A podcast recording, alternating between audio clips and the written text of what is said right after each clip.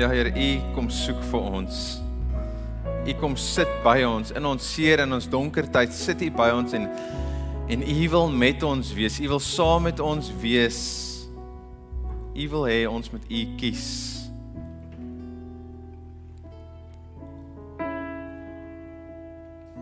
Here, dankie dat ons weet, dankie dat ek weet ek kan bid te God vol liefde, vol genade wat oorvloei. En ons kan dit ontvang. Maak nie saak waar ons waar ons onsself bevind nie, Here. Daar kan ons ons daar kan ons u liefde ervaar. Dankie dat ek myself u kind kan noem vandag. Dankie dat ek hier kan staan en weet ek is duur gekoop. Daar's 'n prys betaal vir my.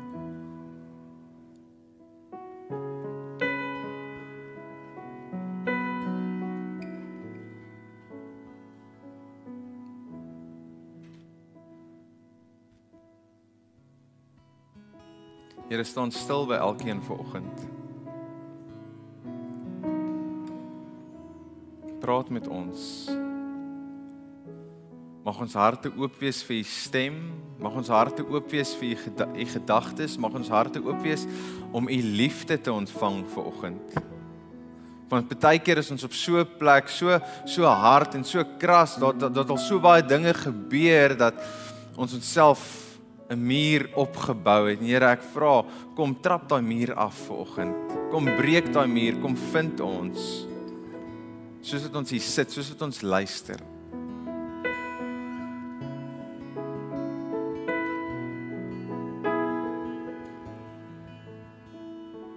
Dankie Here, dankie. In Jesus naam. Amen.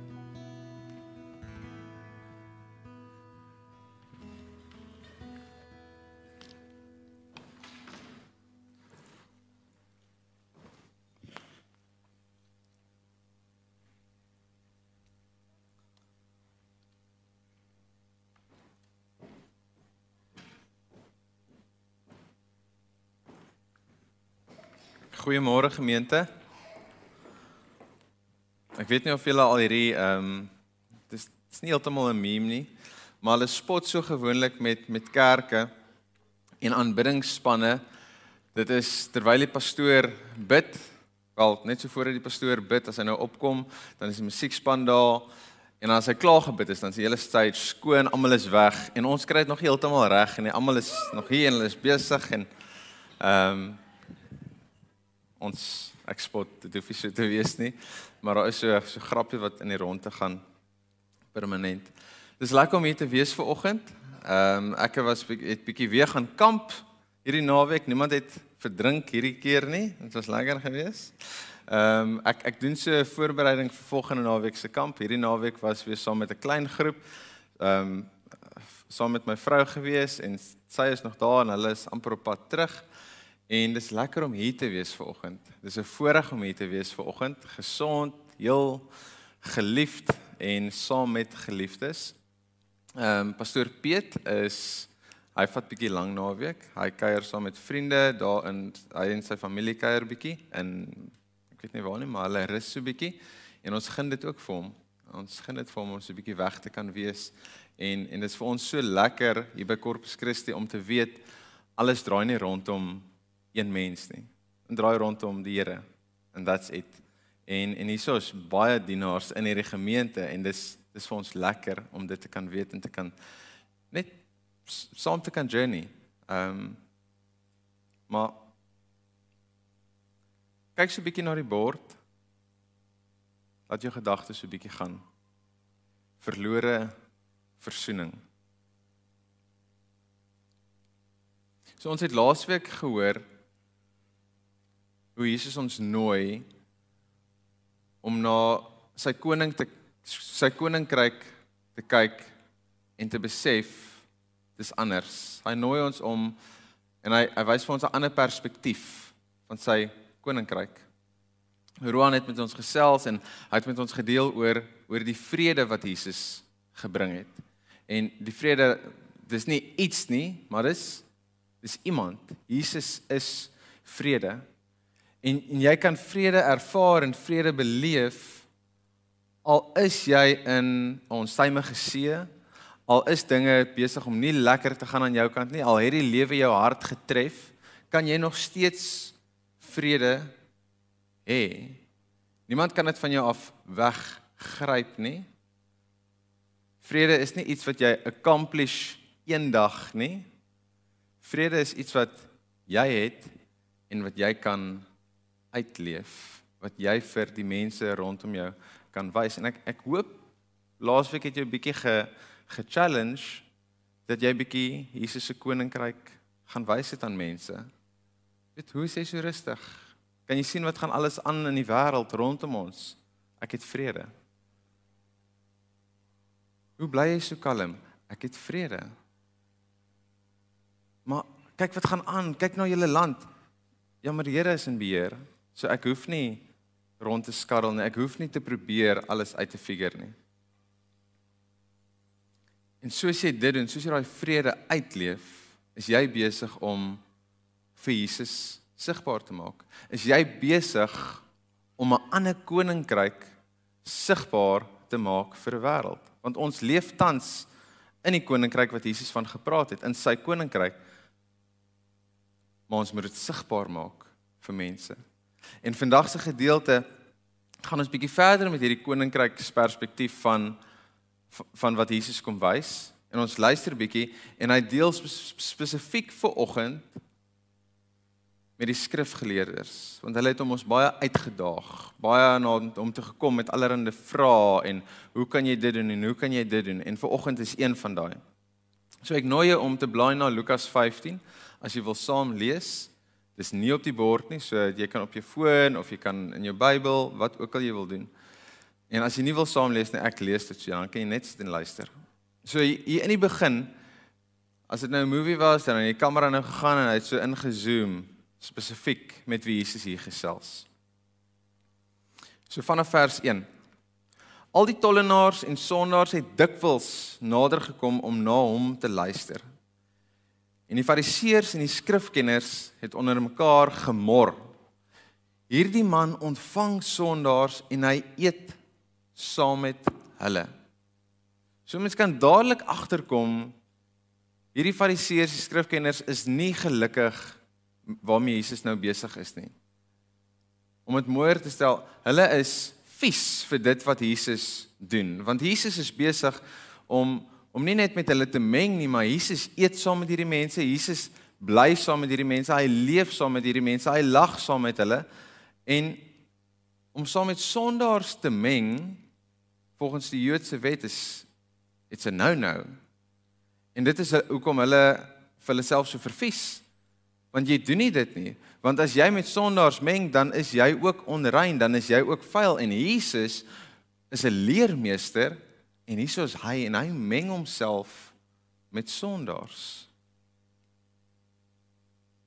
En dan gaan Jesus direk oor in hierdie volgende gelykenis van hy hoor hierdie mense se gemor en hy hoor hulle is ongelukkig en hy wil vir hulle 'n beter verstaan van sy koninkryk gee. Hy wil vir hulle 'n beter verstaan gee van dit wat hy kom doen, van dit wat hy na die tafel toe bring vir my en jou.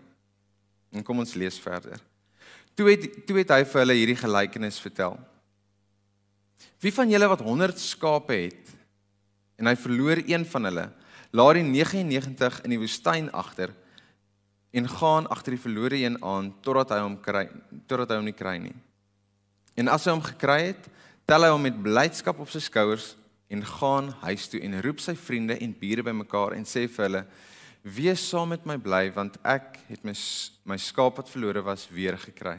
Ek sê vir julle, so sal daar in die hemel blydskap wees oor een sondaar wat hom bekeer het, eerder as oor die 99 regverdiges wat nie nodig het om tot bekering te kom nie. So wat sien ons heel eerste raak hierso? Heel eers sien ons 'n skatryk man. Want as jy gaan kyk in daai tyd as jy tussen 10 en 15 skape gehad het, dan was jy eintlik redelik wel afgewees. Hierdie ou het 100 skape gehad en hy het een verloor en hy loop agter hierdie een aan en heel eerstens dink ek hierdie ou is van sy kop af. Ek meen jy's 'n skatryk ou. Hoekom stap jy agter hierdie een verlore ou skapie aan. Vat eerder jou 99, kyk mooi na hulle, maak seker hulle raak nie verlore nie, versorg hulle, cut your losses and move on. Nie hierdie skaapwagter nie. Nie hierdie man nie. Hierdie ou los sy 99 die res van die trop. Hulle is okay. Hulle gaan veilig wees. En hy gaan soek daai een skaap wat weggeraak het. En hy vind hom tel hom op sy skouers en wat gebeur dan? Hy vat hom terug huis toe en hy nooi sy bure. Hy sê: "Julle ons moet fees vier. Deel my blydskap saam met my want hier is 'n verlore skaap wat gevind is." En dis 'n mooi storie. Feesviering wat plaasvind as gevolg van een skaap wat gevind is. Feesviering wat plaasvind as gevolg van een sondaar, een verlore persoon wat gevind is. En dan lees ons verder vers vers 8. Of watter vrou wat 10 dragmas het en 1 dragma verloor, steek nie 'n lamp op vir die huis uit en soek deeglik totdat sy dit kry nie. En as sy dit gekry het, roep sy haar vriendinne en bure bymekaar en sê: "Wees saam met my bly omdat ek die dragma wat ek verloor het weer gekry het." So sê ek vir julle, is daar blydskap onder God se engele oor een sondaar wat hom bekeer het. Weereens is daar iets wat verlore geraak het. 'n Muntstuk. Hierdie dragma was was in daai tyd was dit 'n dag se loon werd geweest. So dit dis baie. So jy gaan soek. Jy gaan die matrasse oplig. Jy gaan onder die tafels kyk. Jy gaan daai vuil tafel van jou gou-gou skoonmaak en oral krap en dit soek. Kinders se kamer gou-gou skoonmaak alles wat daar rond lê net wegpak. En dan kry jy dit daar tussen die kinders se speelgoed. En dan weer eens vier sy fees. Sy nooi haar bure, sy nooi haar vriendinne en hulle gaan 10 10 1 koek en tee. Julle ek het my geld gekry. Woohoo. En daai hele partytjie kos 10 10 1 meer as wat daai een dragma was. So dit maak nie sin nie. Dit maak nie sin om hierdie fees te vier rondom hierdie dagglo nie. Dit wees net bly op jou eie en gaan aan met jou lewe. Kom moet jy nou al hierdie mense nooi. Maar daar word die vreugde word gedeel in die gemeenskap. Maar dit gaan nie oor die geld spesifiek hierso nie. Weereens gaan dit oor die vreugde wat daar is van iemand wat verlore was en gevind is. Iemand wat tot bekering gekom het en ons almal vier saam fees rondom daai gedagte. En dan kom ons by die by die bekende gedeelte die storie van die verlore seun en ek lees vir julle hierso. Vanaf vers 11. Verder het hy gesê 'n man het twee seuns gehad. Die jongste een van hulle het vir sy vader gesê: "Vader, gee my die deel van die eiendom wat my toekom." Hy het toe die besittings tussen hulle verdeel. Nie lank daarna nie het die jongste seun al sy goed in geld omgesit en na 'n ver land gereis en daar alles wat hy besit het deur sy losbandige leefwyse verkoos. Teen die tyd dat hy alles uitgegee het, het daar 'n baie ernstige hongersnood in daardie daardie land uitgebreek en hy het begin gebrek ly. Hy gaan werk toe by een van daardie land se inwoners wat hom toe na sy boerdery gestuur het om sy varke op te pas. Ek gaan hy was sleg behandel. Hy het gewens dat sy honger kon stil met die pele wat die varke gewoonlik gevreet het, maar niemand het vir hom daarvan gegee nie. Toe het hy egter tot sy sinne gekom en gesê: "Hoeveel dagloners van my pa het oorgenoeg kos en hier vergaan ek van die honger. Ek sal opstaan en na my pa gaan en vir hom sê: Vader, ek het gesondig teen die hemel en in u oë." ek is nie langer werd om u seun genoem te word nie. Behandel my soos een van u dagloners. Hy het toe opgestaan en na sy vader gegaan. Hy was nog ver weg toe het sy vader hom al gesien. Hy het hom innig jammer gekry. Na hom gehardloop, hom omhels en hom gesoen. En die seun sê toe vir sy vader: "Vader, ek het gesondig teen die hemel en in u oë." Ek is nie meer werd om u seun genoem te word nie, maar sy vader het sy slawe opdrag gegee: Bring goue lang stola, die beste een, en trek dit vir hom aan.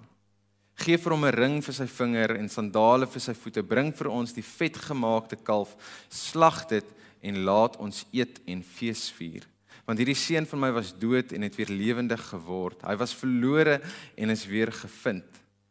Toe het hulle begin fees vier.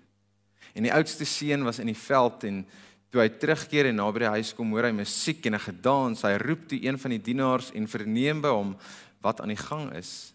Jou broer het teruggekom het hy hom geantwoord en jou pa het die vetgemaakte kalf geslag omdat hy hom gesond teruggekry het. Hy het briesend kwaad geword en wou nie ingaan nie. Maar sy vader het uitgekom en mooi met hom gepraat. Maar hy het vir sy vader gesê: "Kyk, ek sloof my al vir jare af vir u en het nog nooit 'n opdrag van u verontagsaam nie. En vir my het u nooit eers 'n bokkie gegee sodat ek saam met my vriende kon feesvier nie. Maar toe hierdie seun van u terugkom wat u besittings op prostituie uitgemors het, slag u vir hom 'n vetgemaakte kalf. Toe sê hy vir hom: "My kind, jy is altyd by my en alles wat myne is, is joune. Ons moet feesvier en bly wees." Want jou broer was dood en hy het lewendig geword. Hy was verlore en is weer gevind.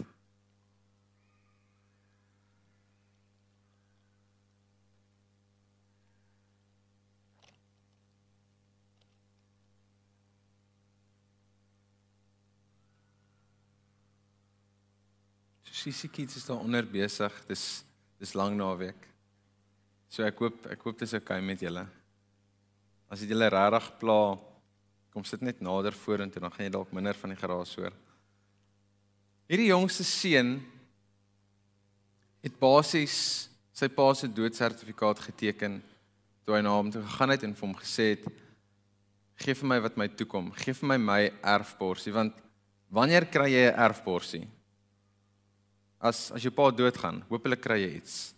Jy moet dalk bietjie met hom gesels. Maar jy kry jou erfborsie eers as jou pa doodgaan. En hier gaan hierdie jong man, hy gaan na sy pa toe. Hy sê hy soek nou sy erfborsie. Nou As ons kyk na ons kindertjies vandag, dan gaan ons ook sien, ek wil dit nou hê. Mamma, gee vir my nou. Mamma, luister nou vir my.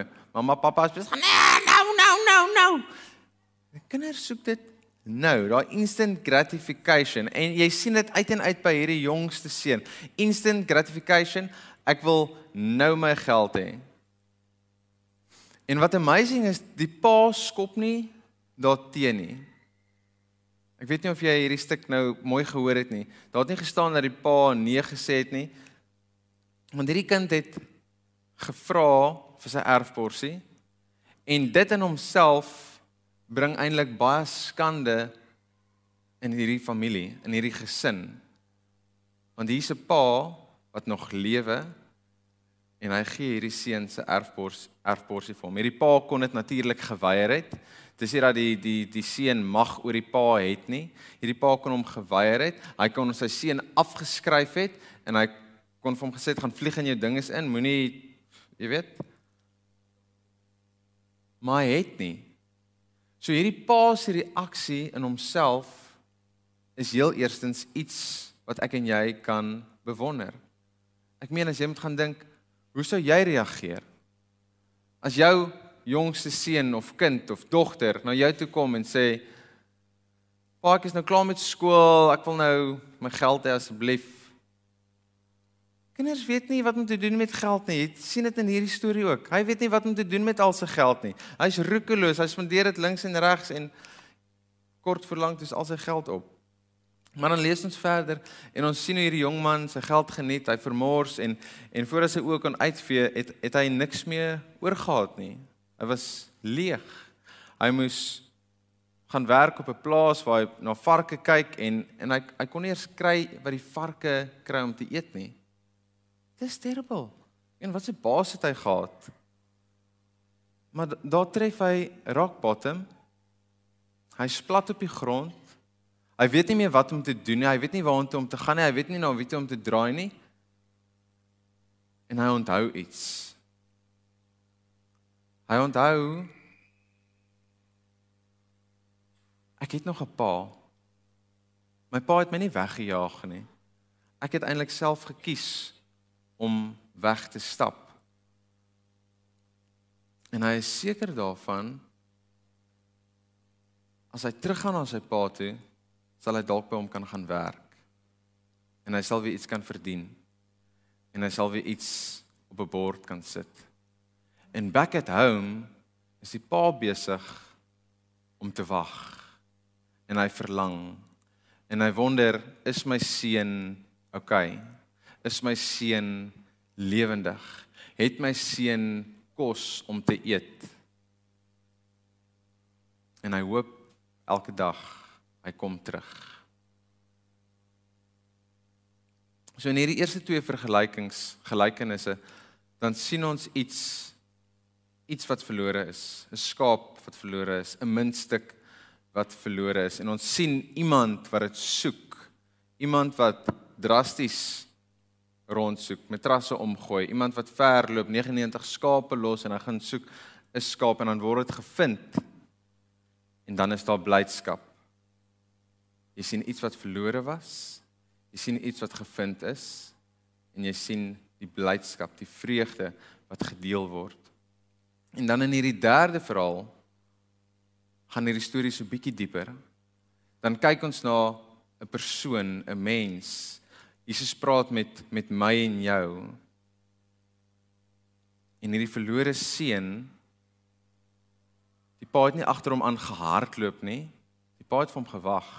Hierdie seun het toe besef ek is verlore. Ek het hulp nodig.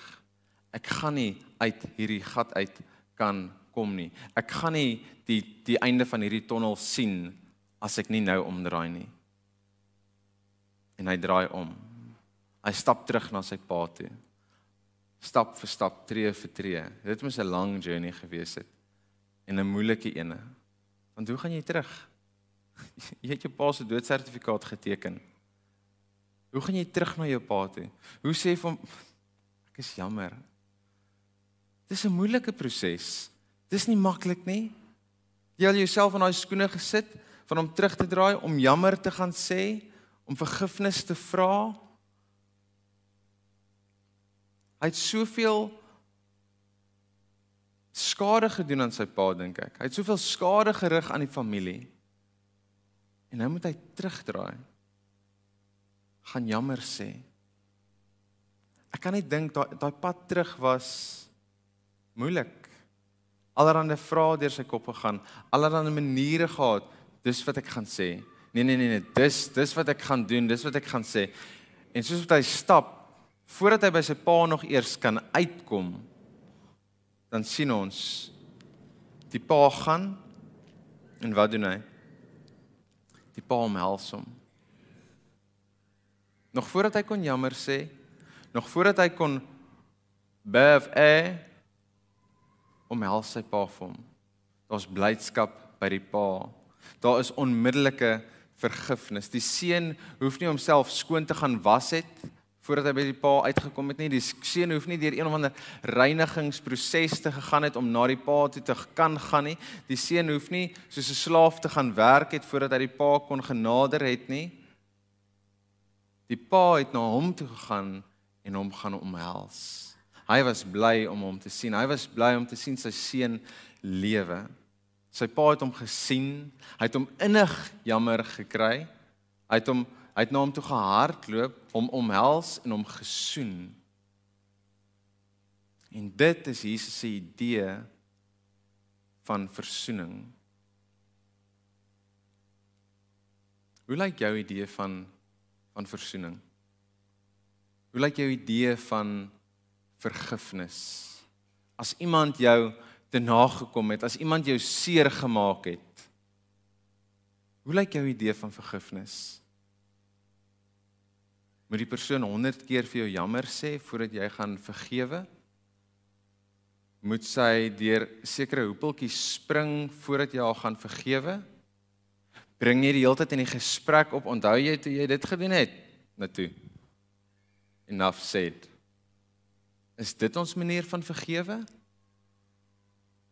Want dis nie wat Jesus hier vir my uitbeeld nie. Hierdie seun het gekom. Hy het nog niks gesê nie. En sy pa het hom ingeneem en hom omhels. En dit is hoe God se koninkryk lyk. Het iemand jou dalk al te nagekom? Yes.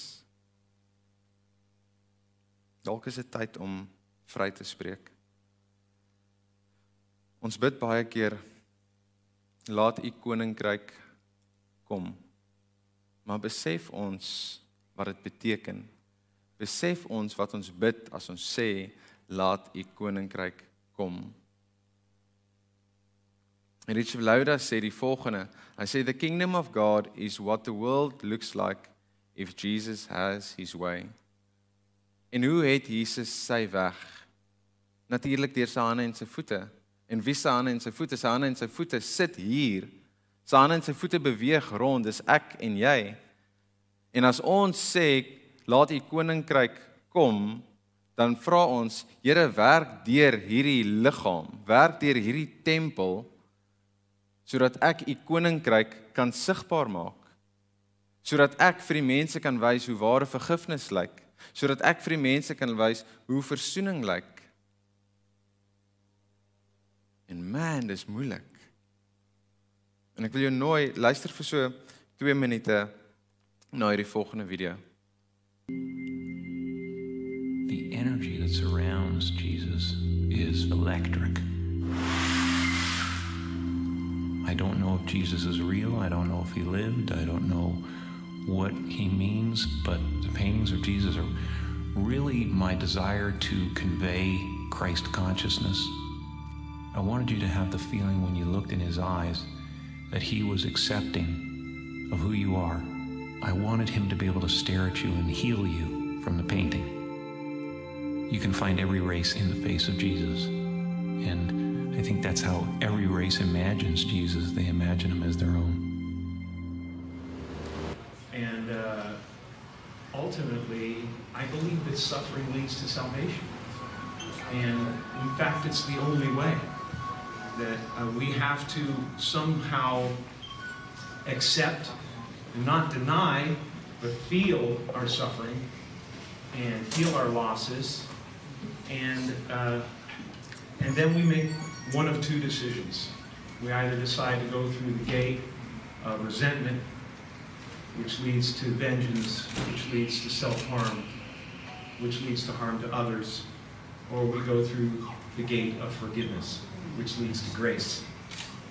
Just as Christ did on the cross, he suffered terribly and he was broken by it to the point of doubt and a feeling of absolute abandonment which all of you felt. And uh, then there was a decision to be made. And the decision was to look upon the people who were causing that suffering, or the situation that was causing that suffering, with compassion and with forgiveness.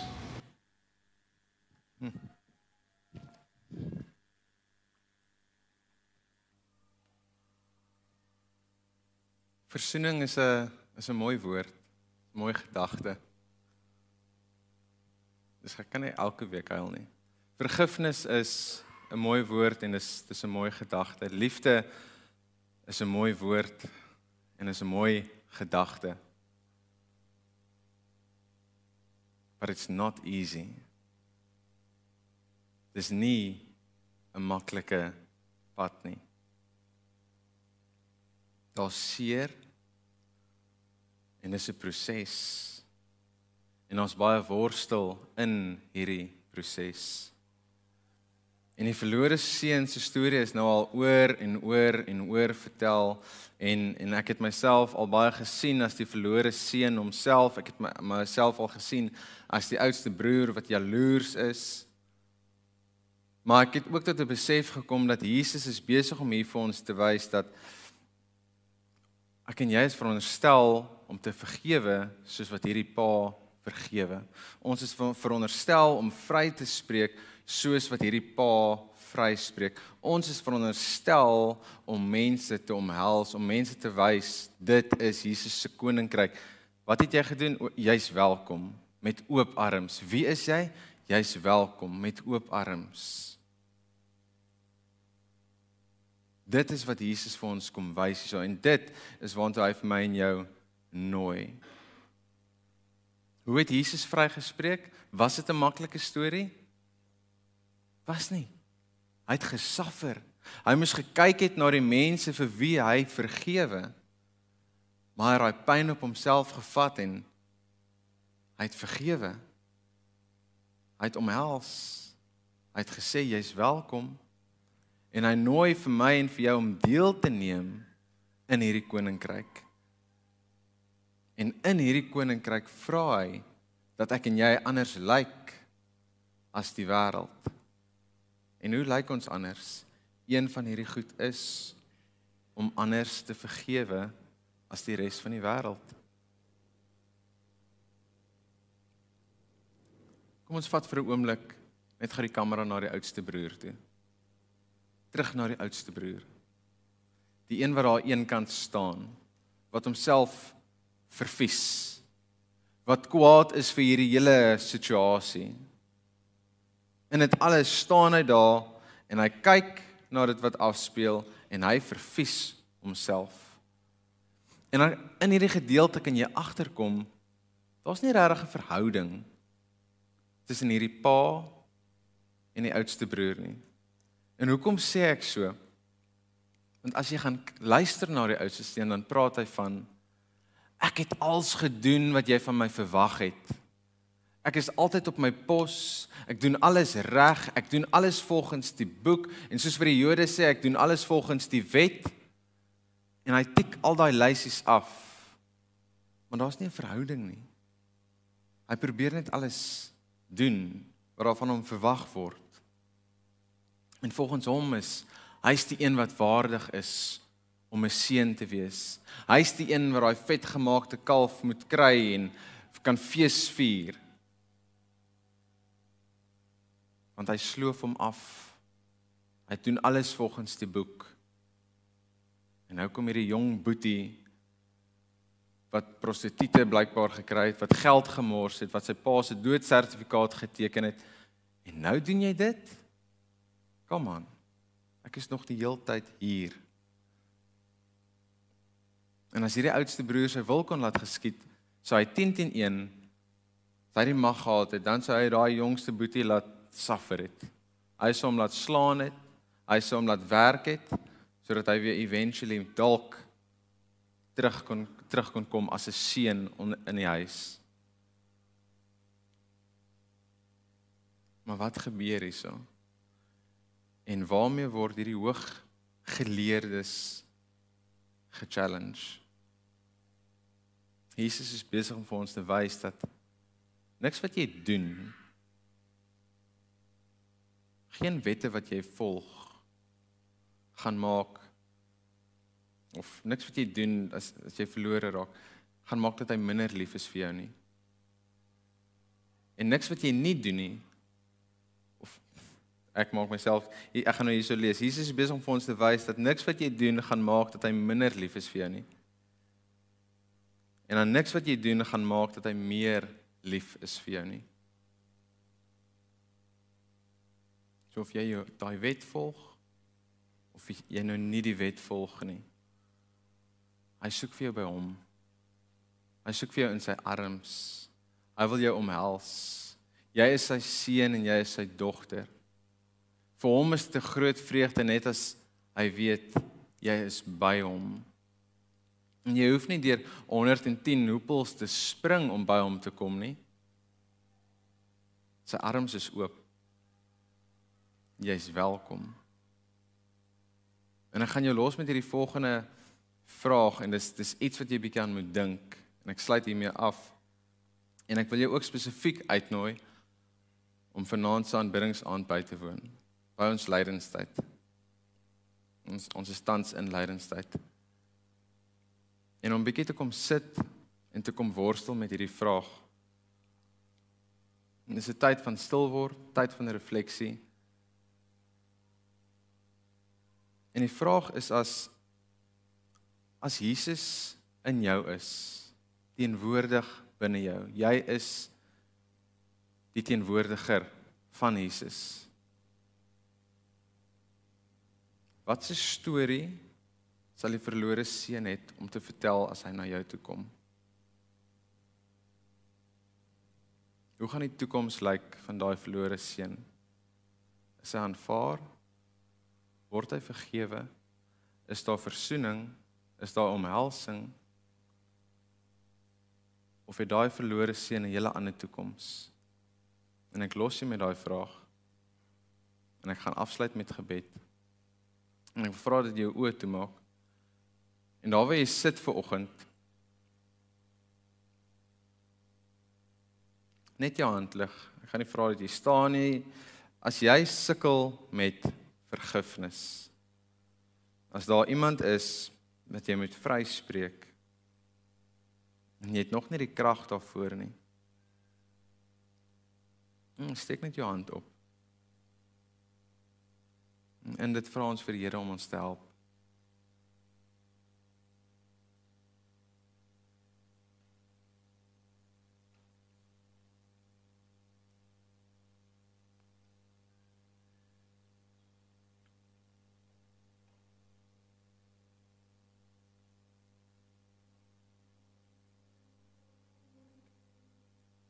Here, dankie dat ek hier ver oggend kan staan en myself in die in die verlore seun se skoene kan plaas en weet daar's genade vir my en weet daar is vergifnis vir my. Dankie dat ek myself in die oudste broer se skoene kan plaas en weet ek is nog altyd by u. Ek is nog altyd u seun. En dit wat u sin is, is myne.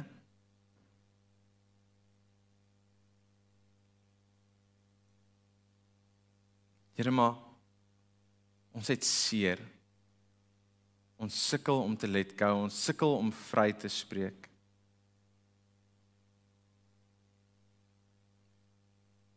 En Here, ek bid vir elke persoon wat ver oggend se hand opgesteek het of haar hand opgesteek het. Geef ons die nodige krag. Geef ons die nodige genade. Geef ons insig en help ons om vry te spreek. Help ons om u koninkryk sigbaar te maak aan die mense rondom ons.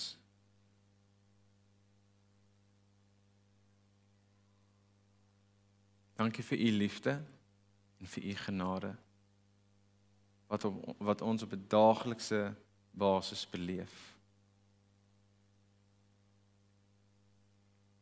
Bid dit in Jesus naam. Amen. Dankie julle.